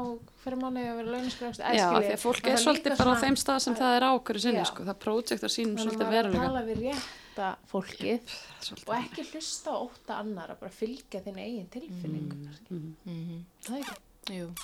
Og líka bara hilsa upp á hjarta þetta reglulega og það þar er öll svörin. Og sama hvað þú tala um marga þá veist alltaf innst inni sjálf eða sjálfur hvað er best fyrir þig og þína framtíð og þína vegferð. Snild. Herru, við þakka bara fyrir æðslega stund Takk og kakó og takk fyrir að koma til okkur. og Já, takk fyrir að bjóða mér. það var ekki LA guys. Namaste. Namaste